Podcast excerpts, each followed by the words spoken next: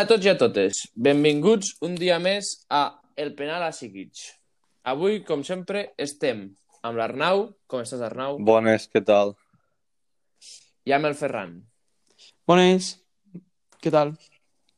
Eh, en el dia d'avui parlarem de la nova regla que s'ha aplicat a Brasil amb els entrenadors i una mica després d'aquesta setmana de seleccions, de, de què pensem sobre les aturades de seleccions i sobre una mica el rebombori que hi ha hagut amb eh, Alemanya i Noruega eh, donant la seva opinió o manifestant-se sobre els drets humans i fins a quin punt això tindrà repercussió o només és certa imatge o postureig. Bé, comencem. Eh, bueno, la setmana passada va sortir una notícia sobre que a, a Brasil els clubs havien acordat, s'havia votat i s'havia acceptat que, com a màxim, per temporada, un equip de, de, del Brasil, Brasileirao podia tindre dos entrenadors. És a dir, que amb el que començaven i només el podien fer fora a un. El segon que agafaven ja quedar. Amb una excepció que era que si feien fora el segon, l'única opció era agafar un entrenador interí o un del filial. Aleshores, com penseu que això pot funcionar i quina repercussió tindria um, si aquesta idea es traspassés um, a Europa, Ferran? Mi, ben, bueno, jo crec que és un tema és un tema bastant interessant. Crec que dona, o sigui, als entrenadors crec que els hi dona més eh, confiança a l'hora de treballar, eh, o sigui, perquè al final eh, el, el fet de només tenir un possible recanvi, a no ser que sigui un interí, ja fa que o sigui, la, la decisió hagi de ser molt meditada, molt més meditada. Per tant, l'entrenador sembla que té com una mica més de marge de maniobra i tot i que sí que si veus que realment la, no acaba el, o sigui, no acaba de funcionar o sigui que, els, que la relació entre l'entrenador entre tècnics i jugadors és deficient eh, ho veig una mica limitat eh, el, el no tenir marge de maniobra perquè per exemple el cas de l'any passat eh, de Quique Setién o sigui en plan el cas de Quique Setién al Barça crec que tothom veia que la relació no fluïa i, i claro, el, el, el limit, o sigui, això l'hagués limitat a, al Barça a l'hora de... O sigui, pot limitar a la, a la direcció tècnica a l'hora de, de maniobrar, no? Sí. Arnau? No sé què en penseu. Uh, Arnau? Bueno, jo sobre aquest punt, o sigui, vull dir, Ferran, primer volia preguntar-te en plan que quan dius que limita la direcció tècnica, a què et refereixes? O sigui que la, la, la direcció tècnica no pot ser tan intervencionista, que, evident, o sigui, que té la part bona i la part dolenta. La part bona és que no, a vegades la direcció tècnica no sap, bueno, o, o té menys coneixements del que o, bueno, o hauria de donar pas al, o, a l'entrenador, o sigui, deixar llibertat Sí, a l'entrenador, sí, sí, sí. però també pot ser que hi hagi una direcció tècnica que sigui molt correcta sí. i llavors que es vegi una mica limitada. Amb aquest, amb aquest aspecte ho deia. Vale, sí, no, doncs jo penso igual. De fet, crec que inclús, eh, o sigui, no és excessiu, però crec que és el nombre adequat d'entrenadors que pot tenir en plan, pues, sempre disposes de l'interí i que tinguis una opció de recanvi, diguéssim, que pots contractar un altre, pues, un altre entrenador, ho trobo pues, que amb això ja, ja vas bé, perquè la veritat és que aquests clubs als que no es dona continuïtat als projectes de la gent, vull dir, de, en cap manera demostren una, una serietat. El que passa és que estem al món del futbol i trobo que és un món com molt accelerat, amb molta pressió mediàtica i sembla que has de garantir resultats ja, però això no dona lloc a llarg plaç a bons projectes o, o treballs d'època. De fet, si tu mires els treballs d'època, la majoria han tingut una continuïtat. Així que jo crec que és una bona opció aquesta. Jo, jo crec que ara que estem en, en aquest moment del futbol on hi ha molts inversors de fora que fiquen molts diners, que, es ju que hi ha molt interès econòmic, que es té molta pressa amb, amb que hi hagi èxit i, i molts, moltes direccions deportives no tenen la paciència suficient per confiar en els projectes i a la mínima que perds dos o tres partits et fan fora. Crec que és una bona manera perquè això els donaria tranquil·litat als entrenadors, tranquil·litat a les direccions deportives, perquè haurien de pensar-s'ho més i haurien de confiar més en el projecte i moltes vegades, si el que es veu al camp és una idea consolidada, que els jugadors la tenen clara, que els jugadors creuen amb l'entrenador, que l'entrenador l'està aplicant de manera correcta i els resultats no arriben, segurament donant aquesta pausa i tenint paciència, al final les coses acaben arribant. Un exemple clar és, per exemple, l'Osasuna, aquest any anava fatal amb la Rassate, van sortir els directors esportius i el president a dir confiem en la Rassate i anirem amb ell fins al final perquè ens, el, ens el que ens ha portat a primera divisió i el que ens ha salvat l'any passat d'una manera sòlida i ara estan fora del descens i, i estan tirant cap amunt. L'Eibar amb el Mendilibar igual. Aleshores, a no ser que veguis que la cosa va molt desencaminada i que els jugadors van per un costat i l'entrenador van per l'altre, crec que és bo que els clubs tinguin aquesta obligació de pensar-s'ho bé, perquè moltes vegades, doncs, per exemple, el Tuchel, que això ja devia ser una mala relació amb, amb el... bueno, pel que es diu, però el Tuchel va ser campi, subcampió de la Champions l'any passat, estava amb una bona línia i, i no portava ni, ni fins super poca temporada i el van fer fora. Aleshores, crec que això és una bona manera per tindre més cap i deixar els entrenadors que treballin, que al final és el que necessiten, crec jo. Ferran, tu què? Sí. Sí, sí, la veritat, o sigui, jo estic d'acord amb, el que, amb el que tu dius, de que al final els clubs han de tenir paciència i, que, i amb el que diu Arnau, de que al final els, els projectes, sempre que són, o sigui, sempre que, no sempre, pot ser, però quan tens com més llarg termini, realment pots veure si el, el projecte ha funcionat o no. Però també penso que no sé fins en quin punt aquesta, o sigui, si tu obligues a, donar-se aquesta situació, no sé fins en quin punt, eh, tu, tu parlaves de tenir paciència, no sé fins en quin punt el club tindria paciència, o seria més aviat una crispació constant de, perquè tu estàs limitat a no poder-te moure, però al mateix temps veus que potser les coses no surten o no surten tal com tu dius, llavors clar, potser és pressió afegida a damunt de l'entrenador. Però jo estic d'acord en, que, en, que, en que la paciència és necessària. El problema és que no sé, si, no sé fins a quin punt aquesta... O sigui, el forçar-ho seria l'opció correcta, però bueno, jo potser seria un primer pas, no, no dic que no, la veritat.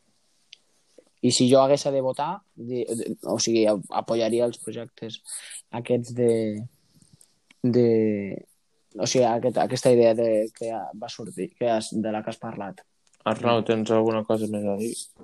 Bé, em, em, això que diu el Ferran, que també sempre hi ha aquest punt de recança, sobretot si ets un, un club gran i que pues, tens els focus més, o l'afició més exigent pues, de cara a curt plaç que, clar, has de tenir paciència i tal, i jo ho respallo també al, al 100%, però és això, que a vegades no saps si realment estàs prolongant una situació que és verinosa o que acabarà amb res. Llavors, clar, per exemple, me ve el cap el Liverpool amb Klopp, que va fer un gran treball, però ha sigut un treball d'anys i els primers no era precisament un èxit i, o un èxit immediat. I clar, ara el temps li ha donat la raó, però si tu apostes per algú i la cosa no t'acaba sortint, bueno, doncs això que de és complicat saber quan es tracta de paciència o quan, o quan no. Sí.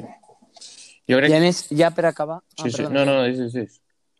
Que ja per, ja per acabar, o sigui, per acabar la meva intervenció en aquest tema, um, um, jo crec que també el, el, aquí no hem, no hem entrat a considerar el, un factor que també crec que és molt important, que és l'ego i el i, i els nervis dels jugadors, no? perquè crec que els jugadors també tenen un paper molt important, que encara que potser no es digui o potser no es vegi, crec que al final moltes decisions estan respalla, en plan estan suportades per, per, certs, per certs jugadors eh, de cada uh -huh. equip i crec que això també pot afectar bastant de dir si els resultats no surten i els jugadors se posen nerviosos i no hi ha una, un, un cert canvi no, no dic en quant a entrenador, però no sé, alguna cosa que els jugadors també vegin. Crec que també potser el jugador podria apretar que no ho hauria de fer i tot, estic totalment en contra en que el jugador tingui pes en aquest tipus de decisions, però eh, crec que actualment és el que passa i també crec que és una cosa que s'ha de tenir en compte eh, a l'hora de,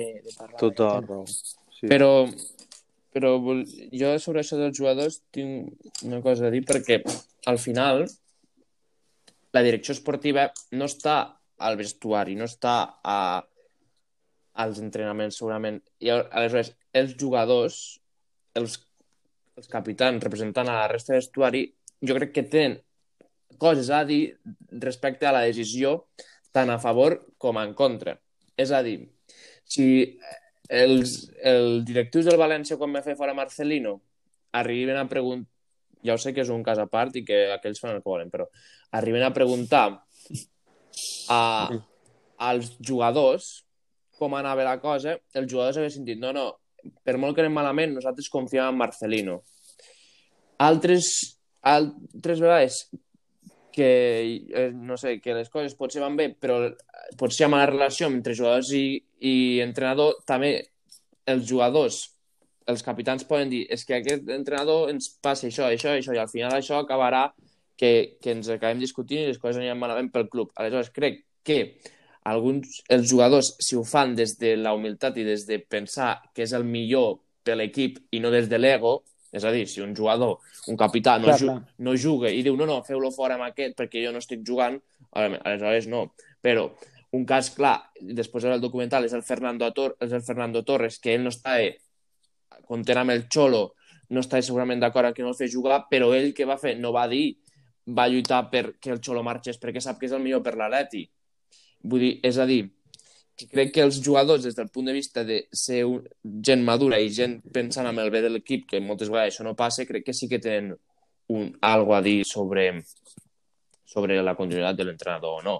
Jo penso, si ho fan per, Sí, sí, totalment. perquè no els hi cobra l'entrenador i perquè no juguen, llavors no, però Totalment d'acord. si és per el bé de l'equip, crec que... I també, amb això de confiar dels interins, de vegades, vull dir, amb això dels interins potser es descobreixen entrenadors que potser no tindrien l'oportunitat. Per exemple, Hansi Flick, l'any passat van començar, el Bayern va fer fora el Kovac, va començar el Hansi Flick, i mira, ara és un dels més entrenadors del món, que ha fet triplet i el Bayern sembla una màquina de jugar, i al principi de temporada amb el Kovac Sí, em, sí, està sí, sí. fatal. Vull dir que això potser donaria pas també a nous entrenadors que potser no tenen tant pes perquè no han sigut futbolistes, potser pugen dels filials o pugen i, i es converteixen en grandíssims entrenadors, que és el que són, però no es coneixen. Això també podria ser Sí, un punt a favor. Sí, tens raó. De fet, de fet és un tema, és un dilema que crec que s'ha parlat i podem, potser, per no allargar-nos més en aquest tema, potser podem treure un altre dia, perquè també va sortir aquest tema dels, inter... bueno, dels entrenadors que pugen de baix, no? Em, el dia que crec que va coincidir que el Cádiz va guanyar el Barça i el Granada el Madrid o o, bueno, o no sé si va guanyar el Madrid o algo va passar i llavors parlàvem de... Ah, no sé exactament. Bueno, va ser, recordo que va ser el, el cap de setmana del, del Barça Cádiz, que, bueno, parlàvem de, de l'entrenador del Cádiz i de i de, del Granada, dient que comparant-los amb Zidane i, i Koeman, si no recordo malament. I bueno, que sí, que sí que tens raó, que al final aquestos, entre... que al final aquestos, que, molts, que els jugadors al final professionals, pues, potser hi ha jugadors que són grans entrenadors, però que després també hi ha molts entrenadors que al final queden oblidats pel tema de no tenir el prestigi de dir jo he jugat a primera divisió o jo he Sí, sigut tal sí, jugador. O...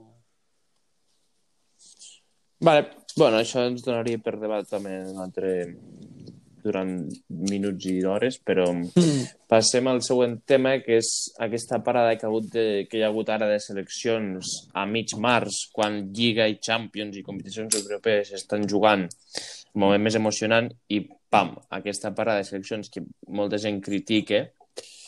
Aleshores jo us volia preguntar què, què, què en penseu? Fan falta, no fan falta, són necessàries?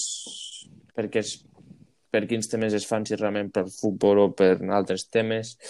Arnau, quina opinió tens sobre aquest tema? Mm, Bé, jo, jo sóc dels que, dels que pensen que, que, bueno, que me senten com una puntada a l'esquena aquestes parades de seleccions perquè és el que dius, que sempre sembla que venen quan hi ha més fragor de la competició regular o de la Champions i, i te talla tot el rotllo, per dir-ho d'una manera. Però jo crec que al final són molts països i moltes pues, moltes divisions, diguéssim, en el sentit de territorials, em refereixo a rotllo, doncs, Amèrica, Europa, bueno, i jo crec que s'han d'adherir a un calendari i han de quadrar les dates d'alguna manera pues, per poder dur a terme aquesta classificació, però, però trobo que pel que fa al, a la temporada regular, vull dir, talla tot el rotllo. Ferran? Sí, sí. Tu... Bueno, o sigui, jo tinc el, el meu punt de vista, que a mi la veritat és que aquesta parada de seleccions ni bé, i més crec que aquest any era totalment innecessària perquè en un any en què els equips estan jugant, eh, els equips que estan en competicions europees estan jugant dissabte, dimarts, diumenge, a dissabte, oh, sí, dissabte, dimarts, diumenge, i, i quasi, cada, quasi cada setmana, Copa, eh, Champions, Europa League, lligues, a Anglaterra que tenen dos copes, em, a França eh, també, eh, no sé, és una càrrega de partits increïbles pels jugadors i crec que aquesta parada de seleccions realment pels jugadors, evidentment, pels jugadors que s'han quedat als seus als clubs, perfecte, perquè inclús han tingut una mica de descans i, i una mica de relax, però pels jugadors que a part de jugar tres partits en dues setmanes han volat amunt i avall, doncs, la veritat, ho trobo eh, totalment fora de lloc en, me, i més en la situació eh, actual. Em, tot i que, i, i, i, bueno, ja de principis no, ja de principi no, o sigui, de bona inici ja no m'agrada aquesta parada de seleccions perquè realment a mi aquests, hi ha partits que, bueno, però hi ha partits que no m'interessen massa. Però, per exemple, l'altre dia escoltava el podcast de Marcadorín i Raúl Fuentes, per exemple, deia que a ell li agradaven aquests partits perquè veia jugadors que no, que no, que no havia vist, que, o sigui, jugadors que no acostuma a veure, per exemple, perquè va, crec que va comentar el partit d'Espanya-Geòrgia i després crec que va comentar el Portugal-Azerbaiyán i va dir i bueno, va dir que, que per exemple, el porter d'Azerbaiyán li havia agradat molt. Clar, aquesta gent que, mi, que li agrada mirar aquest, aquest futbol més desconegut, doncs suposo que, que els partits de seleccions doncs, li serveix per veure molts jugadors desconeguts en un sol partit. Eh, jo penso que mm, és difícil gestionar-ho per és a dir, per la FIFA, per la UEFA, perquè al final s'ha de, de jugar uns partits que han de, són, han de ser classificatoris per anar al Mundial o a l'Eurocopa o a la Copa Amèrica, bueno, o s'ha de, de jugar i és difícil gestionar quan s'han de jugar. A mi, per exemple, les parades que es van fer a principi de temporada per la Nations League, després de vindre els jugadors tant temps i va parar novembre, no sé què, aquestes crec que sí que sobraven i bastant, perquè Nations Leagues com amistosos. Aquestes, doncs no sé com se podrien fer, però crec que són necessaris encara que compliquen la vida dels jugadors, bueno, el cansament, els clubs, etc. Però també... Home, lo de la... Ah, perdona. No, que també penso que aquí a Espanya o a Europa no som tan patriotes. Per, és a dir, no ens importa tant les seleccions perquè tenim bones lligues, perquè, perquè veiem els millors jugadors del món cada dos per tres a la nostra lliga, al nostre equip. Ara, si tu vas a preguntar a Sud-amèrica um, hi ha països així on les seleccions són molt importants perquè poden veure els seus millors jugadors tornar a representar el seu país. bueno, ara no hi ha públic, però quan se podien al públic, per ells és superimportant, se prenen els estadis, és com una festa. I, i les, per exemple, la lligueta que classificatòria pel Mundial de Sud-amèrica és tan important per a aquests països, aleshores crec que tampoc els hi pots treure a... És a dir, crec que per a ells és molt important i els agrada molt aquests partits o igualment per països, jo que sé, com Macedònia o Armènia, que potser tornen Àustria, que hi va l'Àlava, per exemple, que poden veure els seus, màxim, els seus jugadors en directe, que quan mai els poden veure, crec que això també és un punt que s'ha de tindre en compte. I també pels jugadors que pues, els agrada anar a representar els seus països i, i és una cosa pues, meritòria per si me la selecció pues, és que ho estic fent bé. Però crec que s'hauria de gestionar una mica fer-ho d'una mica diferent, que això ja és una feina bastant complicada. Home, el tema dels amistosos és purament econòmic. Això està més clar que l'aigua, però o sigui, les federacions al final pues, guanyen molts diners amb aquests partits, ja sigui de drets de televisió, ja sigui de... plena... bueno, ara els estadis no, però eh, crec que patrocinis, crec que i al final això també ho fan per, eh, pel tema econòmic. sí que és cert que el que dius i que al final s'han de jugar aquests, que aquests partits s'han de jugar l'únic que potser sí que és que, claro, aquí la solució al problema no, tampoc la donarem ni, a més, ni que la donéssim no ens farien cas, però mm. Uh... Però em refereixo que, que, està clar, que està clar que aquests partits s'han de jugar i que d'alguna manera s'ha de fer, perquè si no... Sí, sí, sí. Jo, jo també trobo que igualment s'ha de... que ara igual m'equivoco una mica perquè no, no la recordo al 100%, però que trobo que s'ha de bueno, pues, de, de conformar una manera que resulti interessant de veure per a l'espectador, ja no sol d'aquests països, com ha dit el Joel, sinó de tot arreu, perquè recordo que Portugal, si no vaig errat, va guanyar una Lliga de Nacions o alguna així l'any passat o fa dos, pot sí. ser? I sí, és sí. que aquí l'importa, saps? Jo és que no vaig veure ni un partit i Portugal m'encanta i, i, i la van guanyar i què? Cap... Vull dir, és com que han volgut introduir aquesta nova competició i no sé, jo crec que ja fan amb Eurocopa i Mundial i, Copa, i, bueno, i la Copa de cada continent. Eh, la, la Nations League l'únic que va servir, segons el que jo he sentit, o sigui, la, la, les primeres lligues, com aquell, però crec que va donar oportunitat a les lligues de baix, o sigui, a, les, a la Lliga D o E, o no sé, no sé quina era l'última lliga, aquella lliga o va tenir, o sigui, va donar oportunitat a equips que no estan Ah, vale. que no estaven per entrar a l'Eurocopa a sí. entrar a l'Eurocopa. Ah, és veritat. Que crec que ho va, sí, no, ho, sí, ho va comentar Axel Torres. Molt bé, sí, sí. I, i crec que ell ho, ho veia com a interessant per això, no? per entrar, o sigui, perquè hi hagués més equips que poguessin entrar que de normal en una fase de classificació a l'Eurocopa no serviria. Però, clar, d'això a fer una nova competició, la Nations League, no sé. Però per mi, és, per exemple, és millor per mi veure aquests partits, jo que sé que s'estiguin jugant algo, que veure que hi hagi algun joc, per exemple, quan va jugar Alemanya-Espanya, almenys he de passar a la Final Four que un amistós Alemanya-Espanya que no et jugui res. No, no, és que els amistosos sí, són un desastre. Sí. Saps el que vull dir? Vull dir que no serveix de aquesta competició i no crec que s'hi doni mai valor, però però que almenys veus un partit que ja té algo de competició, saps? Sí, tant, sí, sí. I l'últim punt que volia comentar és... bueno, no sé si ho va veure, però a Alemanya i Noruega, el primer partit que van jugar sí. Alemanya el seu partit i Noruega el seu, que no van jugar un contra l'altre, vull dir, van sortir amb un amb una samarreta on hi ficava algo sobre els drets humans, ja que... Sí, uh, drets humans al camp i a fora. Sí, ja que el diari anglès The Guardian va, fa uns, un, uns, unes setmanes va treure un, un article on dia que on sabien, bueno, segons les seves fonts i, i segons num, números concrets, s'havien mort des de que van començar el, la construcció d'estadis de, a Qatar fa 10 anys, eh, s'han mort més de 6.500 treballadors immigrants que venen de la Índia, de Pakistan, Nepal, Bangladesh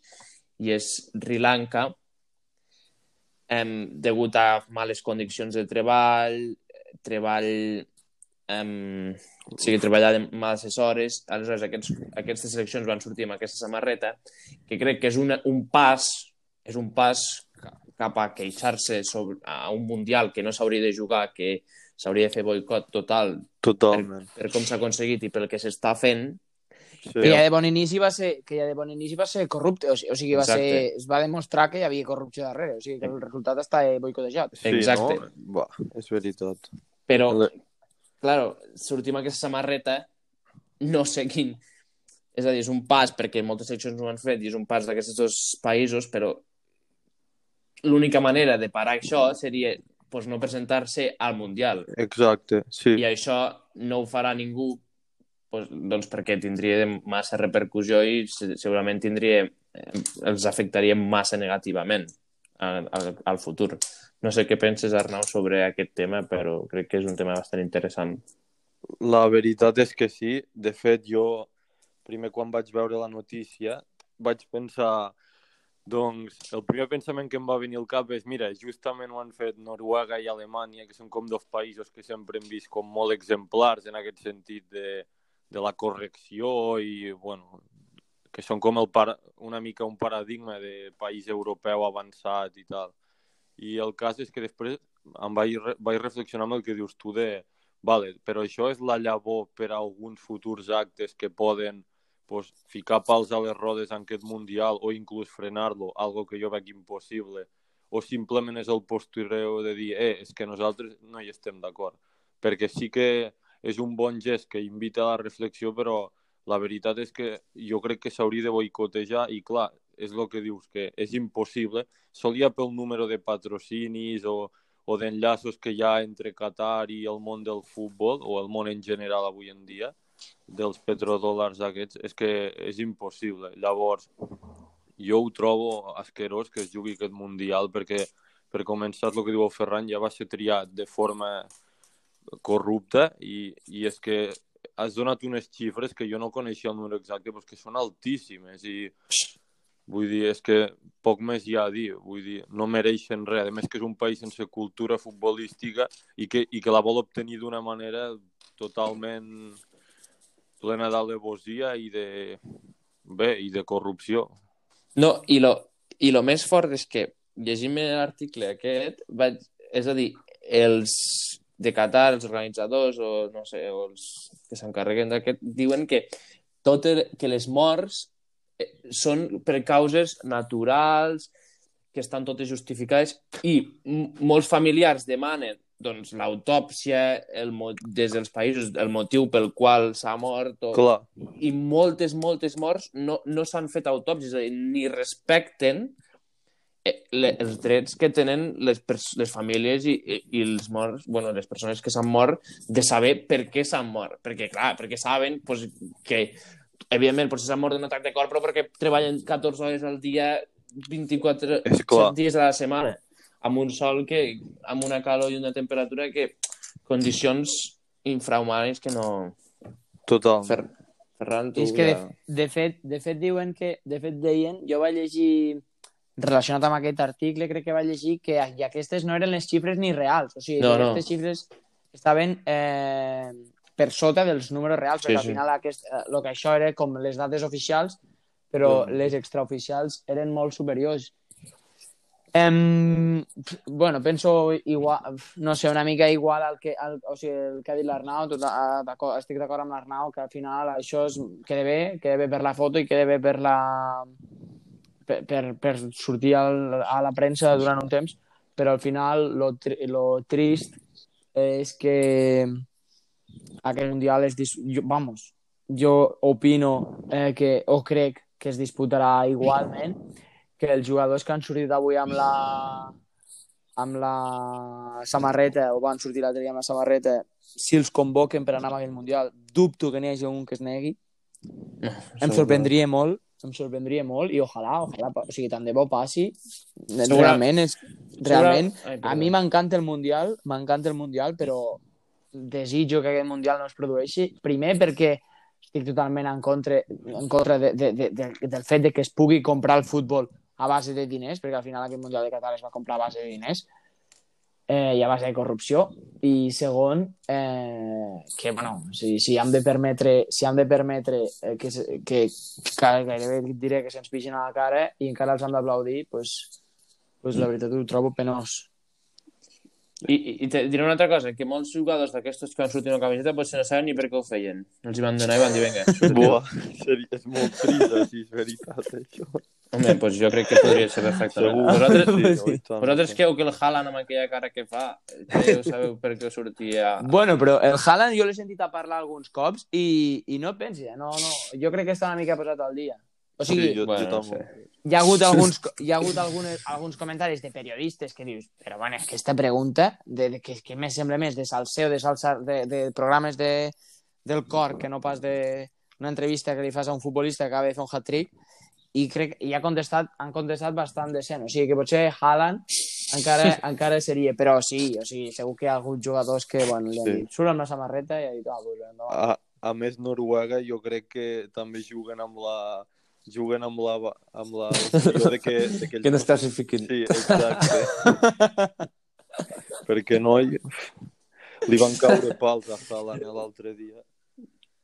I sobretot quan van perdre la classificació per l'Eurocopa Home, és que té bon... Bueno, contra Sèrbia. bon Home, amb equip, tam, bon equip tampoc, Sí, sí. però bueno, un equipet decent.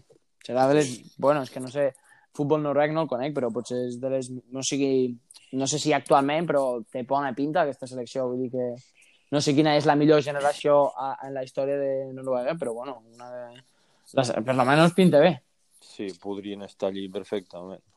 I després, l'últim, una cosa que se m'acaba d'ocorrir ara, que vaig llegir, l'altre vaig llegir sobre, bueno, de la media inglesa, un canal de YouTube, el seu director, que és Lilio Leal, va ficar un tuit que dient que no, tenia un dilema amb, amb el Mundial de Qatar que era si no, no el cobrien, és a dir, no parlaven al seu canal de YouTube sobre el Mundial, i suposo que després de veure tants vídeos sobre, eh, seus ni miraria el Mundial Ilia perquè les eleccions ni li van ni li venen, o cobrir-lo i per, és a dir, per reflexar i per explicar que és un Mundial que s'està fent amb una dictadura que s'està blanquejant amb jugadors i entrenadors famosos que blanquegen això, com Xavi, com Guardiola, com segurament Cazorla que està ja jugant, i dona, fer, és a dir, fer eco de, del que està passant.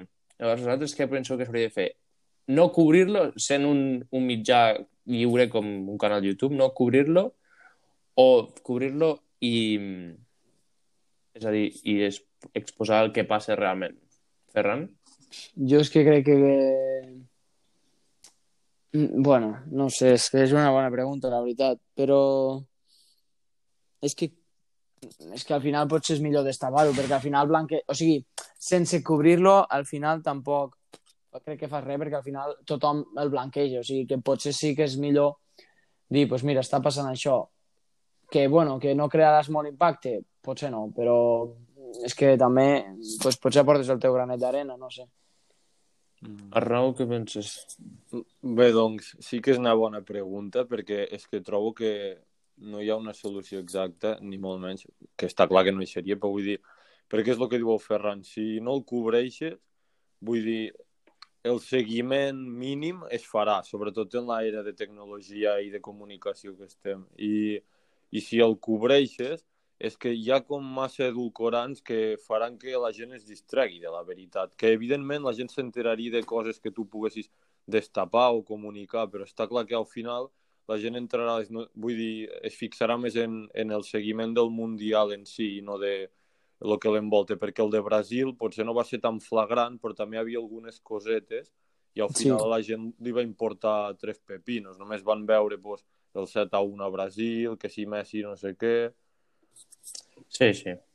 No, jo crec, jo crec que el seu mitjà, els mitjans aquests lliures, jo crec que una mica el que jo faria si fos, tingués la seva influència que tant subscriptors és cobrir-lo i com que tens, ets lliure i pots expressar la teva opinió, expressar la teva opinió i explicar, i si algú eh, li, doncs, li fa saber, com per exemple, jo això, aquest article el vaig llegir degut a que vaig veure el Twitter, el tuit d'aquest noi que va ficar-ho al Twitter l'article, me'l vaig llegir i aleshores vaig saber una mica de com anava, perquè jo no, evidentment sabia que havia sigut corrupte, però no sabia tot això de, de les morts.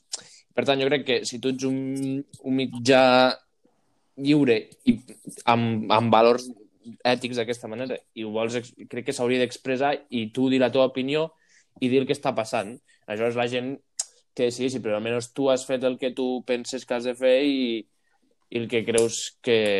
És a dir, i el que les, dius el que tu penses a la gent que et segueix. I si algú li fas li, ho fa servir per donar-se compte del que passa, pues, evidentment que es mirarà i es donarà i, tots, i segurament nosaltres també el mirarem, perquè al final un mundial pues, és un mundial, però Sí. A veure, jo intentaré no mirar-lo, però d'aquí a... no sé. Bueno, és que no sé. És que al final te crida, eh? Perquè al final... Clar, però, clar. Però, però sí, sí que També- s'hauria d'intentar boicotejar d'alguna manera. també dic que Però però al desembre poca, co- no ho podrem mirar tan bé com a l'estiu, però bueno. I, i lo del des... em És que part és que aquest mundial és un desastre. que aquest mundial hauria d'estar prohibit. Quin desastre de... Tot malament. Tot el que Però- sortit malament ha sortit malament. però Com han de jugar al desembre, per favor? I, perdoneu, eh? I jugant-lo al desembre, què, què faran? Trastocaran tot el calendari? Tot, tot, se trastoque tot perquè aquests senyors volen fer el mundial al puto desembre. Hòstia, noi. és que és un desastre. eh? Tot No. i que, Desastre, des del punt de vista de d'aficionat al futbol que li pele tot excepte el futbol, he de dir que entraria bé allò, hòstia, desembre, mundial, saps? No. Vacances, eh? Sí, Claro, la però llavors, però llavors a l'estiu què fas? L'estiu no També- tens res a fer. també és veritat, sí. No, no, deixa't bueno. estar, això és una corrupció. A més que a les grades què penseu que... Bueno, si es pot anar, pues, suposo, espero que sí. Que us penseu que serà com als altres països, que hi haurà tot de colorinyos? I, home, segur que hi haurà els ricachons allà Home, tal. Allà perquè ningú, ningú anirà... Per exemple, tu creus que gent de Colòmbia que, doncs, malauradament no, no tenen segurament tants diners, podrà pagar-se el viatge Clar. fins a Qatar, l'estància allà, que segur que serà supercara, i Clar, amb lo bonic que Bueno, és tot el Però al colorido final que hi ha... sempre... Però, però normalment hi van. O sigui, hi ha gent, al final gent amb diners n'hi ha tot arreu, no? No ho sé, Vull no dir- sé. Però tanta gent no, O gent- no ho sé. i... Però gent se la, la gent se la juga, o sigui, la gent se la, o sigui, se la juga, em refereixo. La gent potser estalvia 4 anys per pagar-se el Mundial i allò són les seves vacances som- somiades, saps? segur que estarà al palco és el Xavi, aquell segur, que només fa que dir que Qatar és un gran país, que ja és... Sí, Sí, m'ha sí. m'ha decepcionat molt. A mi, eh, a mi també. Moltíssim. I perdona, Joel, ah, no és per allargar, però ara que dius això de les grades, no és per entrar en una altra polèmica, és que aquest tema dona per molt, però si no m'equivoco, crec que vaig llegir que al Mundial de Qatar, si pot anar públic, s'habilitaria com un gol perquè hi poguessin anar les dones o alguna cosa així, perquè no estic molt segur de que allí les dones puguin anar al camp, o sigui, igual m'estic colant. No, crec que no, crec que està... Crec que no, de fet, de fet va, va, va ser al, al, al, a, o sigui, a la Supercopa crec que va ser, no? Que va, a la Supercopa espanyola, que Sí, van dir sí, sí, sí, sí. que el primer dia que, surt, que anaven les dones al camp i llavors va ser com la gran cosa tal, ui, les dones no sé què, pròxim partit de Lliga d'allí les dones no podien entrar. És Sí, és que veritat, és un sí. És que és un desastre, no és res. És que ho Ja, trobo aquest- molt fort, molt fort tot plegat. Que estiguem en aquesta situació en el món actual em em sembla patètic, però bueno. Igual que aquí, eh, me'n recordo ara, que al Mundial de Clubs un, un jeque de Qatar va negar el, salut, el saludo a, a, una, a, una, a una dona que era A un àrbitre. És i als veritat. altres els hi va donar. És que estem aquí... Oh, quin desastre, quin desastre. Després ens prenem la boca de que si drets humans, que si no però...